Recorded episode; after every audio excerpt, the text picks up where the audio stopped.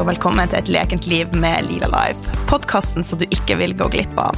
Her får du de gode og hjertevarme tipsene for et lekent og balansert liv og helse.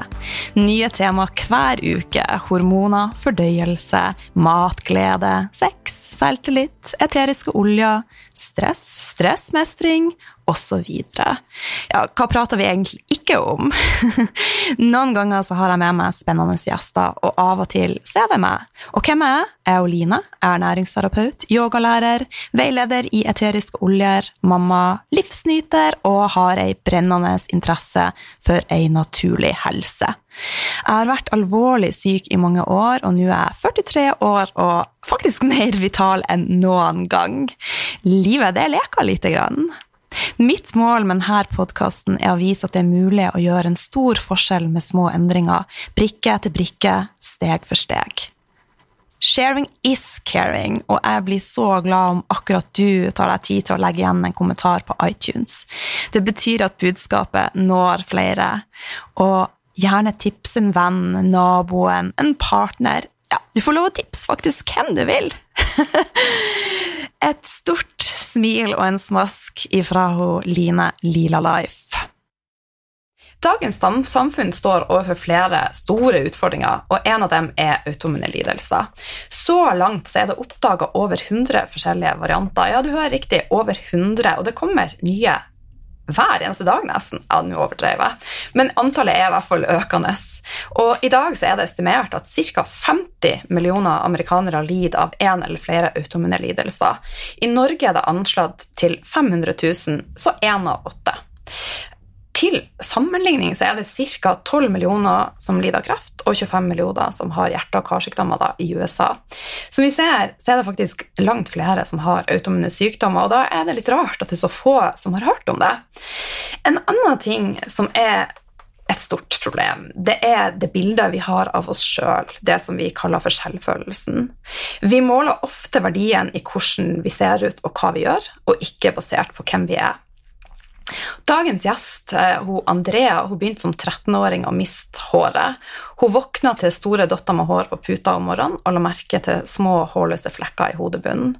Hun fikk en av de mest synlige autoimmune sykdommene i en svært sårbar alder.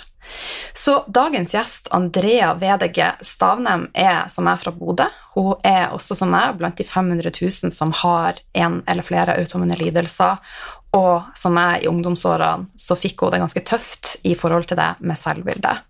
Så i dagens episode så skal vi bl.a. snakke om hvordan det var å miste håret som 13-åring, hvordan ungdomsårene uten hår og det å skille seg ut var, hvordan det påvirka selvbildet til Andrea. Hva kan vi gjøre for å bygge opp eget selvbilde? Eh, hva kan man gjøre for å klare å leve med en sånn type sykdom? Hvordan klarte hun Andrea å snu skam til stolthet, og hvordan kan vi gjøre eh, åpenhet altså Hvordan kan vi bli flinkere til å være åpen og faktisk gi litt mer F, prikk, prikk, prikk. Så hjertelig velkommen, Andrea. Tusen takk. Det var veldig hyggelig å være her. Jeg er så glad for at uh, du kunne komme i dag aller først, jeg er nysgjerrig, jeg er næringsterapeut. Så hvordan starta du dagen din i dag, og hva spiste du til frokost? Du blir sikkert litt skuffa over svaret, men jeg tok en kaffe, så heiv jeg meg ut døra. en kaffe? ja. Jeg spiser veldig sjelden frokost, for det er jeg som oftest for trøtt til, eller så rekker jeg det ikke. Men jeg spiser som oftest alltid når jeg kommer på jobb eller skole, da. Ja. Og da spiste jeg en digg salat. Ja. Mm, faktisk. Men det er jo bra at du faktisk har den muligheten da i jobben din, for det er ikke alle som har det. Sånn. Men du er her i Bodø, og eh, du studerer psykologi? Ja, det stemmer. Og nå er jeg her i praksis, i hovedpraksisen min. Ja. Så det er på siste året på psykologiprofesjonen. Ja. Mm, og da er jeg i praksis på barnehuset i politiet. Å, spennende. Veldig. Men du er opprinnelig fra Bodø, eh, men du bor i Tromsø også, eller? Ja. Jeg er opprinnelig fra Bodø, og så flytter jeg til Tromsø for å Egentlig i første omgang for å flytte etter kjæresten min som skulle studere der, og så begynte jeg sjøl å studere der, da. Ja. Så, Spennende. Så ble vi der i mange år. ja. Jeg har også vært der i mange år. Ja. Men jeg kom tilbake til Bodø, så vi får se om du også gjør det. Men du, Andrea, vi har lyst til å bli litt bedre kjent med deg. Kan ikke du fortelle oss litt om deg sjøl? Eh, ja, litt om bakgrunnen din. Ja, jeg er jo eh, som sagt Bodø-jente. Eh, og jeg kommer tilbake hit, det er bestemt. Spørsmålet er bare når, med tanke på jobb og sånn. Um, så blir jeg jo snart psykolog, jeg er 27 år, og jeg liker ellers å være masse på tur ute i naturen, både i skog og mark og ved havet, og liker å trene og er veldig glad i å være sosial og med familie og venner. og og gjør mye forskjellig, egentlig. Jeg syns liksom ikke dagene strekker nok til. Nei, vi kjenner vel flere på den Ja. følelsen. Skulle hatt flere timer i døgnet til å få gjort alt man har lyst til. Ja. Men hva er det med naturen som, som du liker? Jeg kjenner at jeg blir veldig fredfull der, hvis Ja. det går an å si. Jeg kjenner jeg får en sånn indre ro av å være der, og så liker jeg veldig altså det estetiske i naturen. Jeg syns det er vakkert, rett og slett. Og det vises jo også på Jeg er veldig glad i å ta bilder, og det går mye i natur.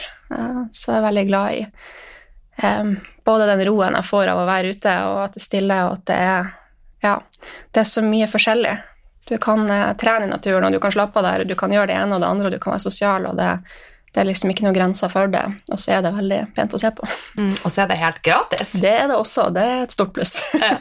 Så, men du, som 13-åring så begynte du å miste håret ditt. Ja. Kan ikke du fortelle oss litt om det, hvordan det utarta seg, og hvordan det var for deg? Jo, det starta jo som du sa i introen, at jeg plutselig våkna og jeg merka at det var store hårdotter på puta da.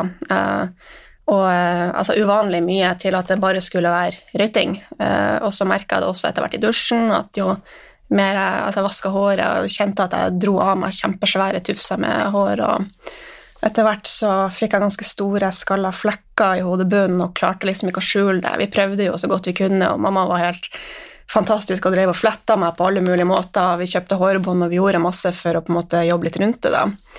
Eh, Så jeg var veldig fin på håret en stund. Men uh, til slutt så ble det så mye som forsvant at det gikk ikke an å skjule lenger, og da dro jeg til uh, både hudlege og til frisør og, og fikk diagnosen alopsia da, og så, så skinna jeg meg resten. Det jeg hadde igjen, og så begynte jeg med parykk på dagen. Når du var 13, da, Da eller? jeg var 13 år. Det var Ja. rett før jul da jeg var 13 år. Ja. Hvordan føltes det? Det var helt jævlig. Ja. Det som var litt greia, var jo at eh, nå er det jo veldig mye åpenhet rundt det, og det er mye i sosiale medier, blant annet, og, men da så var det liksom ikke noe Verken åpenhet rundt det, jeg visste ikke at det var en greie engang, ingen av de voksne rundt meg visste hva det var, så det ble veldig prega av veldig mye usikkerhet. eh, og den følelsen av å være alene i verden om og, hva er greia, liksom. Og så visste jeg jo heller ikke om det var farlig. Sånn som i dag, så anser jo ikke jeg meg som syk fordi jeg ser på det som en estetisk eh, variasjon fra, fra det å ha hår, da, eh, som normen har. Men jeg anser ikke meg sjøl som syk. Jeg er jo frisk og kan jo trene og fungerer jo kjempegodt, så det, det rammer meg ikke på den måten. Det går jo mer på utseendet, da. Men den gangen så visste ikke jeg om det var farlig. Jeg assosierte jo hårtap med kreft. Ja. Jeg visste ikke hva det var jeg hadde fått, eller hva det ble å bety videre. Visste ikke om det var midlertidig, eller om jeg måtte ha det for resten av livet. Um, og bare det å ikke vite om noen andre. Da har jeg jo fått vite i turorden i senere år, da. Det er jo flere som har tatt kontakt, og det finnes jo også via annet Alopecia-foreninga, da, så kan man jo ha sånne møter, og, mm. at man kommer i kontakt med andre, eh, og også mye i sosiale medier, da, at man kommer i kontakt f.eks. på Instagram. Ja. Og det tenker jeg at det er jo mange ulemper med den, eh, den eh, fasen vi lever i, med vi eksponeres for, for både det ene og det andre, men samtidig så er det mye positivt også. Og det at du nå er kommer i kontakt med andre, og at det blir mer åpenhet om det, det er jo fantastisk. Og så kan jeg tenke meg også at en annen ting som har utvikla seg, seg de her årene, det er kanskje kvaliteten på parykker og sånn.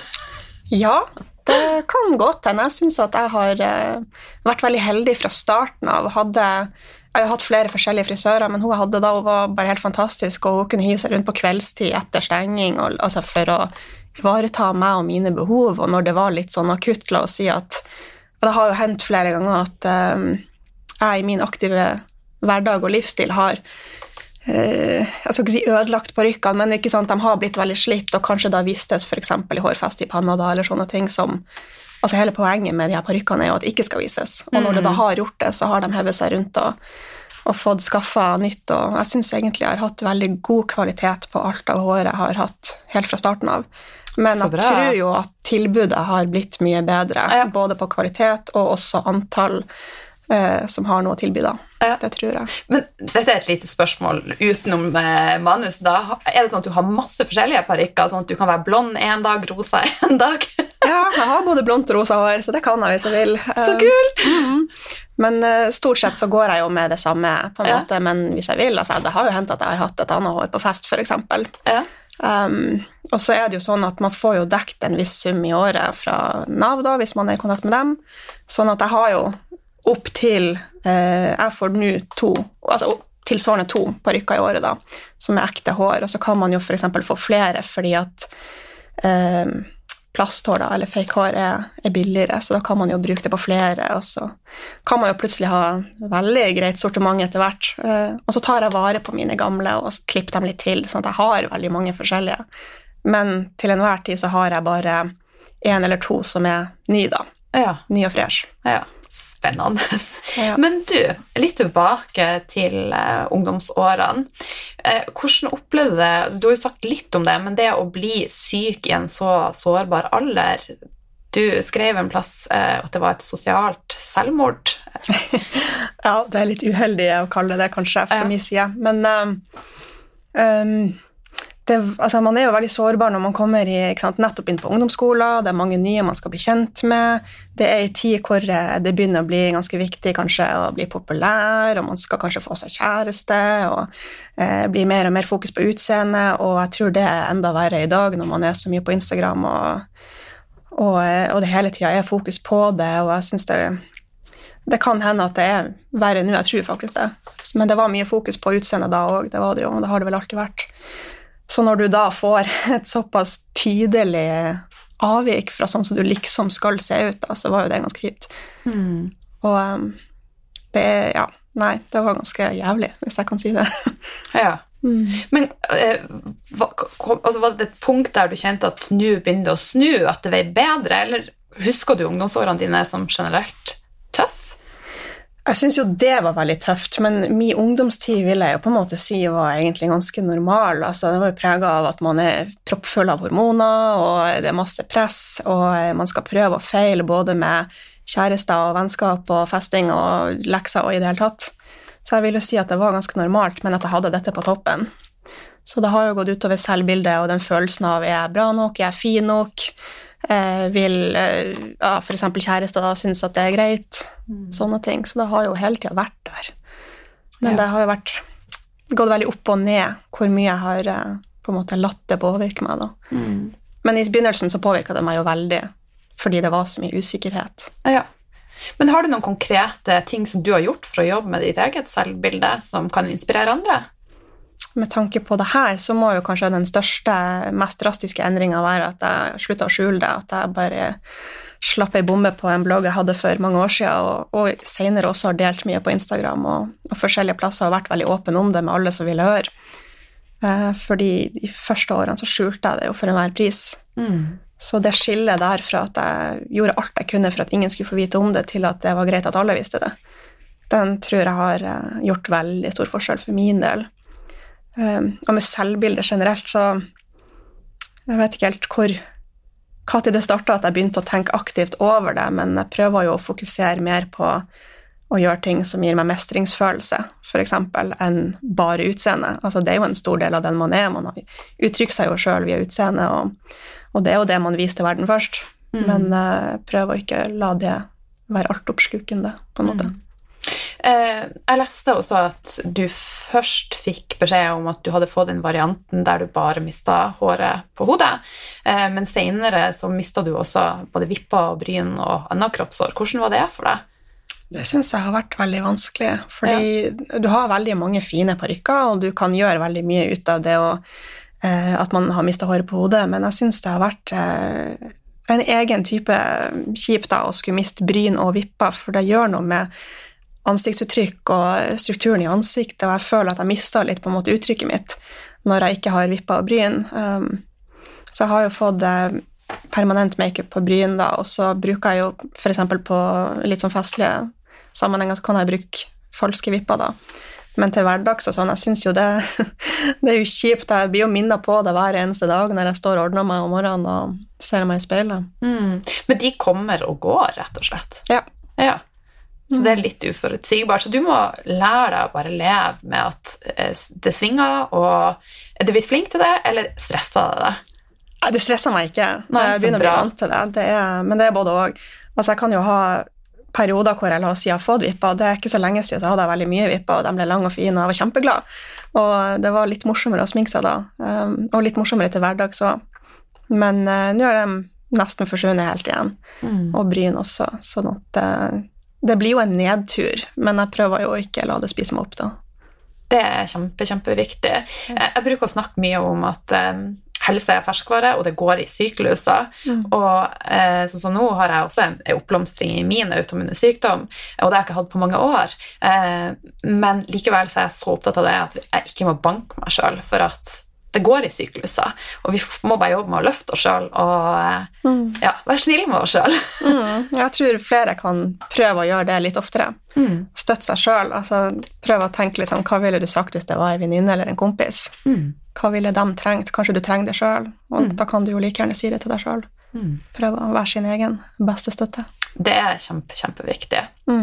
Men du, du snakka litt om det med frykten i ungdomsårene i forhold til det med kjæreste og eh, Kommer jeg til å få meg kjæreste? Er det noen som vil være sammen med meg? Mm. Men når du var i begynnelsen av 20-årene, så fant du din kan jeg si, drømmemann. Ja. ja, Vi er jo lag ennå, så Så bra!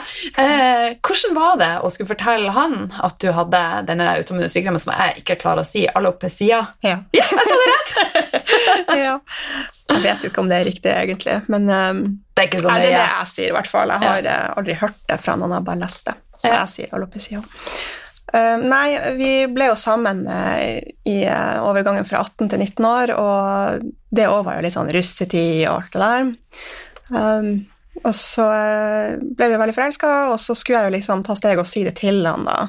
For vi ble jo kjærester før jeg sa det.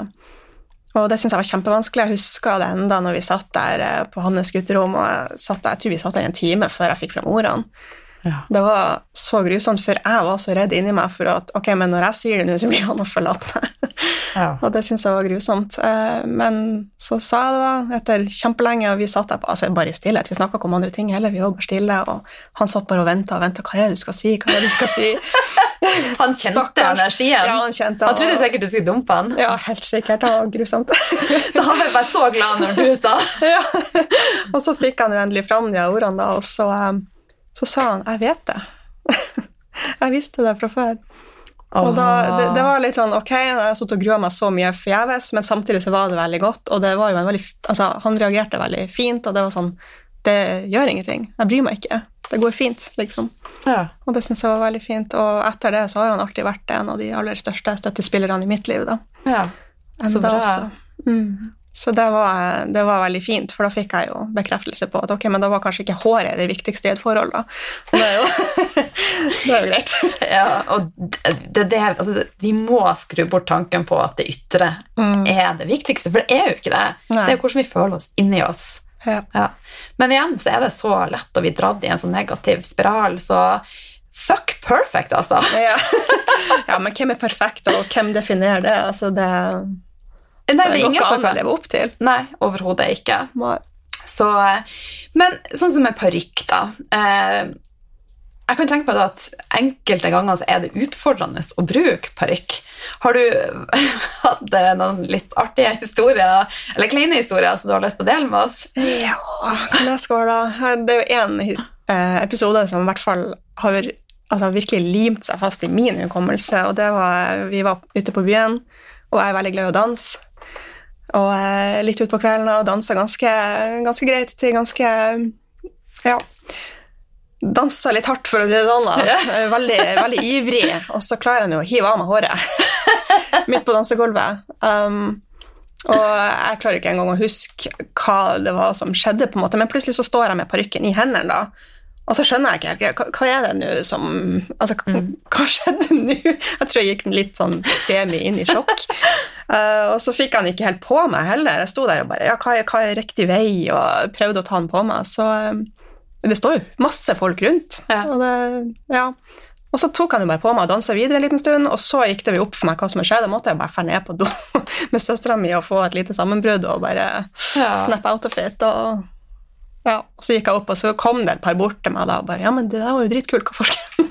Ja. Det gikk jo bare fint. Sånn at, eh, ja, det var jo noe som jeg syntes var helt grusomt når jeg skjønte hva som hadde skjedd, men etterpå så gikk det så fint, og da var det sånn Ja, ja, da, da var det skjedd, liksom. Gjort og gjort. Det gikk jo fint, det var jo en dritartig kveld Ja, så bra. etterpå også. Så Men Var det her før eller etter du valgte å gå ut i sosiale medier og fortelle om det? Det var etter, Ja. eh, men jeg har jo ikke gått rundt uten håret. Nei. Sånn at det jeg har delt i media, det har jo vært uh, altså Det er mange som har spurt meg om hvorfor ikke jeg kanskje bare kan gå uten når jeg nå har valgt å dele det, men å vise bilder eller eh, filmsnutter i sosiale medier, da blir det på mine premisser. Jeg har en mulighet til å liksom velge hvordan bilder og vinkler og eh, redigering av film og i det hele tatt, mens å gå ute, da, da har ikke jeg kontrollen lenger. Nei. Da vises alt. Og det, det har jeg gjort f.eks. i Syden og sånn. Eh, men, eh, men ikke her hjemme. Men jeg syns jo òg at altså, å ha hår er jo en del av min stil. Det blir jo litt det samme som at jeg skal si til deg hvorfor farger ikke du bare håret brunt? Altså, Ja. det er sånn, Hvis du vil være blond, så er du blond, og jeg vil ha hår. Ja, jeg skjønner. Full respekt for det. Ja, det er ikke alle som har det. Selvfølgelig har jeg respekt for det. Jeg tenker at Generelt i livet så må man få lov å ta de valgene man vil. Og du er du, og du tar dine valg. Det er faktisk ingen som kan si noe på de. Mm. men når du kommer hjem, da, er det sånn at du av og til bare tenker nå kaster jeg parykken? At du føler en sånn befrielse? Når det er bare du? Jeg går uten hjemme. Ja. ja, ja. Og med familie og kjæresten min, og jeg bruker det sjelden hjemme. Um, men eh, ja, det er nå egentlig som en del av outfitet, har jeg sagt før. Mm. det er når jeg skal ut av huset. Um, men eh, jeg kunne ønske at jeg turte å gå uten på trening. Det er det eneste. For det er jækla upraktisk. Ja. Det er, mm, altså, du kan se det for deg at i tillegg til ditt eget hår, så trener du med en, en lue. Det blir ganske varmt, og det klør. Ja, skjønner. Men, ja. Så, men skritt for skritt. Det, Ja. altså, det meste går jo fremover, så kanskje en dag. Mm. Mm. Men eh, du eh, Når jeg leste det som det, du har delt, og sånn, så sa du at på, på ett punkt så klarte du å snu skam til stolthet. Mm. Eh, hva, hva mener du med det, og hvordan klarte du det? Jeg tror ikke jeg har gjort noe sånn konkret, egentlig, bortsett fra at når jeg begynte en eller annen gang å tenke litt mer på det skillet mellom hvem jeg er og hva jeg har, da, mm. at ikke det var den samme tingen. Jeg er ikke sida, jeg har det. Eh, Det har hjulpet meg veldig, også eh, med å akseptere at sånn er mitt liv, da. Eh, Og så tror jeg det egentlig har skjedd litt gradvis etter hvert at jeg ble, ble lei av at jeg skulle styre så mye av livet mitt. Eh, og ved å ikke akseptere det og hele tida ønske at situasjonen var annerledes, så hadde jo ikke jeg det bra. Så ved å prøve å snu det fokuset litt til at jeg har det sånn, men det skal jo ikke forødelegge livet mitt. Jeg skal jo gjøre ting som jeg mestrer, og jeg skal gjøre ting som gjør meg glad, og jeg skal oppleve ting og være sammen med folk, og det her skal ikke få være et hinder. Så jeg tror jeg det har gjort veldig stor forskjell da på den aksept- og stolthetsbiten. Ja.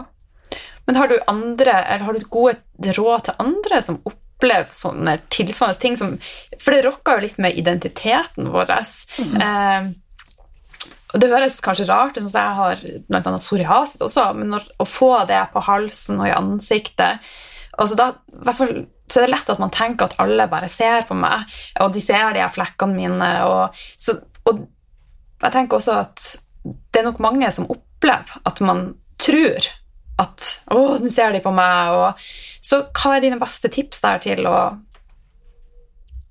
Tips, ja. Um, Har du noen tips? Ja, Til å gi litt mer F, rett og slett. På, Ja. ja. Det i seg sjøl er jo et tips å prøve å snu litt på den at man prøver å ikke bry seg så mye, og, prøver å velge litt hva man skal bry seg om. Altså, det er jo ikke noe enkel sak, og det er jo ikke gjort over natta, men det går jo an å begynne i små steg. Eh, og så tenker jeg å endre fokuset litt til istedenfor at det utseendet er alt som betyr noe i verden, så går det an å, som du sier, ikke sant, hvem er jeg, og hva står man for, og verdier, og hva mestrer man, og hva man har lyst til å lære seg, og at man fokuserer litt på sånne ting. Fokuserer på ting som gir deg glede. Og så tror jeg òg det er litt sånn at mange tror man ser veldig At det er så åpenbart da for alle andre, men det er ikke sikkert. Altså, man er jo veldig selvbevisst, og det er vi jo som mennesker uansett. Eh, Men det er jo nesten ingen som har kommet bort til meg og sagt at du, bruker du parykk? Altså, det er jo heller motsatt når jeg forteller det, at hæ, gjør du det? Ja, Ikke sant? Sånn at det at jeg går rundt og tror at alle ser det, det er jo absolutt ikke tilfellet. Det er jo bare noe jeg har fått for meg. Um, og så tror jeg også det her med at altså, vi sammenligner oss så mye med alle andre, og det merker jeg sjøl, at jeg kan sitte og scrolle gjennom Instagram, alle de flotte babesene, og så sitter jeg der og ser alt med dem som jeg ikke har. Um, så da må jeg liksom ta meg litt i nakkeskinnet og tenke at ja, men de er fine på sin måte, og jeg er fin på min måte, og det betyr ikke at en av oss er riktig eller gal, da. Nei. Så det er litt eh, Ja, endre litt fokus. Men det er òg en treningssak, det må man jo Øve på nesten ja, hver øve dag. på, egentlig. Og, Mm. og gjerne snakke med andre, tenker jeg. Jeg har syntes at det har vært kjempedeilig å kunne ha støtte i andre. Enten det måtte være familie, kjæreste, venner, eller Mm. f.eks. på sosiale medier i sånne samfunn. da. Mm. Støttegrupper, hva det nå enn måtte være. Bare ikke sitte med det alene. Har du fått noen venner via Instagram som kanskje er i samme situasjon som deg? Det er flere som har tatt kontakt, og jeg har også tatt kontakt med noen andre, og jeg har ikke fått møtt noen. Nei. Jeg har vært på sånn treff da via foreninger, men via f.eks. Instagram da, så er jeg jo i kontakt med ganske mange etter hvert. Mm. Men da, la oss bare kalle det Instagram-venner. Ja, Ja. skjønner. Mm. Eh, nå er jeg litt eldre enn deg, da, sånn at eh, jeg har vitt veldig Ikke at det trenger å ha noe sammenheng med bevissthet, men i Instagram Dette er et tips bare fra meg til egentlig alle lytterne. På Instagram så har jeg rett og slett sletta alle som ikke gir meg et eller annet energi på noe annet enn at det faktisk er noe visuelt, sånn i forhold til at kanskje de er rå og gode på trening eller noe sånt. Altså, det må gi meg noe innvendig, sånn at det er veldig mange som er sletta, som er bare delete, delete, delete, for det skal gi et eh, energetisk påfyll. Det høres kanskje spesielt ut, eh, men det er så lett at vi sammenligner oss med andre.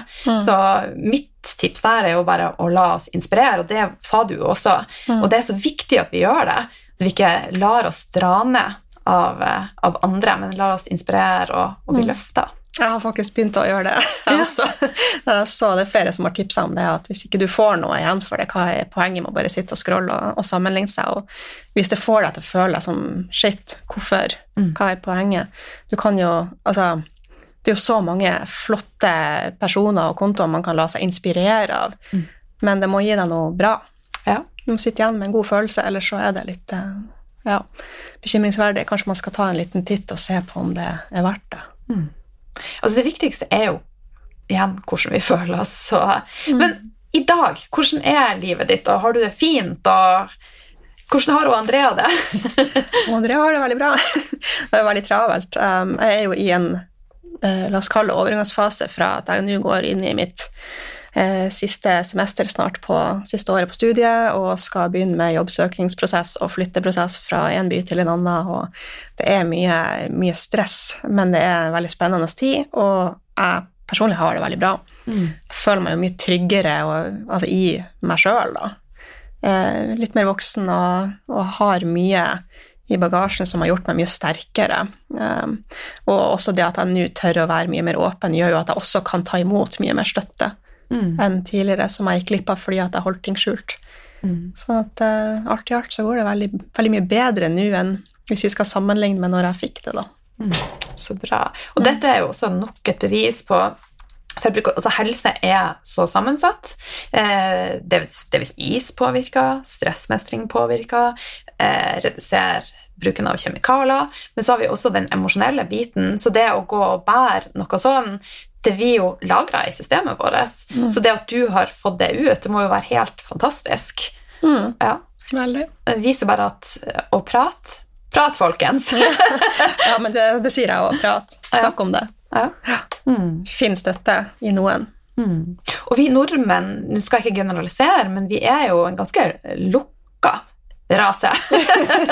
Ja. Så vi har alle noe å lære på å bare prate. Ja. Ja. Kan begynne i det små og bare si litt eh, enkelt om hvordan man har hatt det i dag. og Det trenger ikke å komme i de dypeste, mørkeste hemmelighetene med en gang, men man kan jo begynne litt. Så kommer det etter hvert. Ja, det er jo en balanse også. Ja da, det er jo det. Men det er veldig godt å dele i. Ja. Men du, hva gjør livet ditt lekent? Det her syns jeg var et veldig vanskelig spørsmål. Men eh, nei, jeg bruker jo eh, altså, mye tull og mye humor i hverdagen. Det må nå være det. Men ellers så er det jo hverdagen min er prega av stress, altså. Det er mye Da har du noe å jobbe med. Ja, jeg har det. Ja. Nei da, men det er mye tulling og fjasing og mye humor og Så det Mm. Eh, For meg er det sånn lekenthet Jeg har liksom Lila Life betyr jo lekent, så jeg har liksom snudd det der til at for meg å kunne gå på fjellet etterpå, mm. det er faktisk lekent for meg, for det er ikke alle som har muligheten til det i arbeidstida. Ja. Så det er sånn alle sånne ting som løfter meg som menneske, er lekent for meg, da. ja. Ja. Men det med humor altså Når vi flirer Mm. Vi skiller ut masse fantastiske hormoner. Ja. Jeg tror vi flirer altfor lite. Det er bare å få det på. Flir masse. Jeg har en sånn, eh, Dette er et tips til eh, skal dele den på, på Lila Life. Det er en sang som, som heter 'Glede, glede'. Herregud. Det artigste. Altså, da kan jeg ligge og flire. Du skal få se den etterpå. Det er. Ja. Så hvis det er noen som sliter med å flire, så skal det denne gjør susen, altså. Ja. Men eh, helt på tampen eh, Sånn eh, Hvis du ser fra lytternes side, er det noe jeg har glemt å spørre deg om som du tenker at vil være av verdi? Mm, jeg tror nå egentlig ikke det. Jeg føler vi har fått sagt ganske mye fint. Ja, så bra. Eh, jeg har litt lyst til å spørre, altså, Du sier at du ser på deg sjøl som frisk, og at, men eh, sånn som eh, den automune sykdommen, har du andre symptomer? Eller for min egen del, når jeg får oppblomstring f.eks. i psoriasis, så kjenner jeg det generelt i kroppen. Så du har ingen andre symptomer eller plager, altså du bare føler deg Yeah! Mm, ja, jeg har ikke noe som jeg Klarer Jeg klarer ikke å knytte opp mot hårtapet, i hvert fall. Nei. Det er nå periodevis med kanskje energinivå eventuelt, men det kan jo likevel gjerne være at man har mye å gjøre og er sliten. Ja. Altså, Um, alt henger jo sammen. Ja da, så jeg, jeg føler meg generelt frisk og rask. Det gjør jeg, og det er jeg veldig glad for. Ja, Men eh, ja, så det er nå den estetiske biten. som er vanskelig, ja. Ja, sånn at, eh, og siden jeg også nå har det bedre med min psykiske helse, altså det, det er jo der det har rammet hardest. Mm. Eh, Men det går jo mye bedre. ja. Så bra. Så sånn sett så går det jo veldig fint.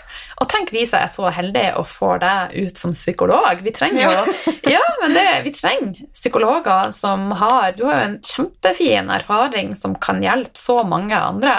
Så det, det er jeg veldig, veldig glad for. Ja, jeg håper jo det. Ja. Er det lenge til du er ferdig utdannet, da? Til sommeren. Til sommeren? Mm, så det er ikke så lenge til, Nei. Og hvis alt da går etter planen, så flytter du til Bodø? Ja. Ja. faktisk. ja. Mm. Så bra. Jeg fikk en melding eh, det er litt avsporing på Instagram i går eh, fra en av følgerne som skrev at jeg har ei datter på fem år, hun har aldri vært i Bodø, men hun sier at hun, hun vil til Bodø, hun prater om Bodø hver dag. Bodø er egentlig ganske bra. Ja, jeg er veldig glad i Bodø. Og eh, både jeg og, og kjæresten min er jo fra Bodø og har hele tida vært bestemt på at vi ville tilbake. Ja. Så det, det gleder jeg meg veldig til. Kom tilbake til hjemmet. Mm. Har du noen planer for jula? Det blir litt her og litt i Tromsø. Ja. Det blir fordelt på min familie og svigerfamilien. Ja. Mm. Men du, da skal vi runde av. Tusen hjertelig takk, Andrea, for at du tok deg tid i en travel arbeidsdag Ja. til å komme hit. Takk sjøl for at jeg ble invitert. Det var veldig hyggelig. Mm. Artig og ny opplevelse å være med på det her. Så bra. Takk.